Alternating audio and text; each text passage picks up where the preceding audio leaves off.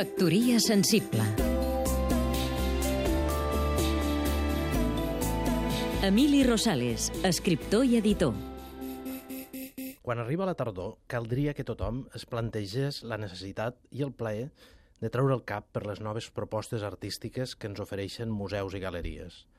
Forma part del ritual d'alguns ciutadans i us asseguro que és un goig que l'ànima i l'intel·lecte ja esperen d'any en any. Obrir la ment i la sensibilitat als mons que es desprenen de les creacions que pintors i escultors han estat preparant per a nosaltres durant molt de temps abans. Plantejar-se la visita com un moment de recolliment enmig del nostre temps agitat i voraginós. I aleshores assistir a l'inesperat. Potser ens hem equivocat i la tela que tenim al davant ens deixa indiferents.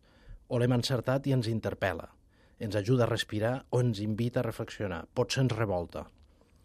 Ho podeu provar en tantes galeries de renom o recòndites que ens inviten a un banquet o simplement a un aperitiu.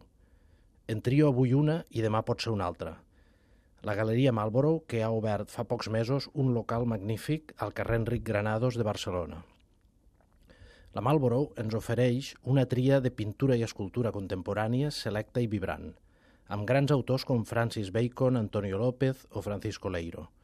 Una selecció que, com diu l'Àlex Usana en el catàleg, és alhora una meditació sobre la condició humana i sobre la pervivència de la figuració.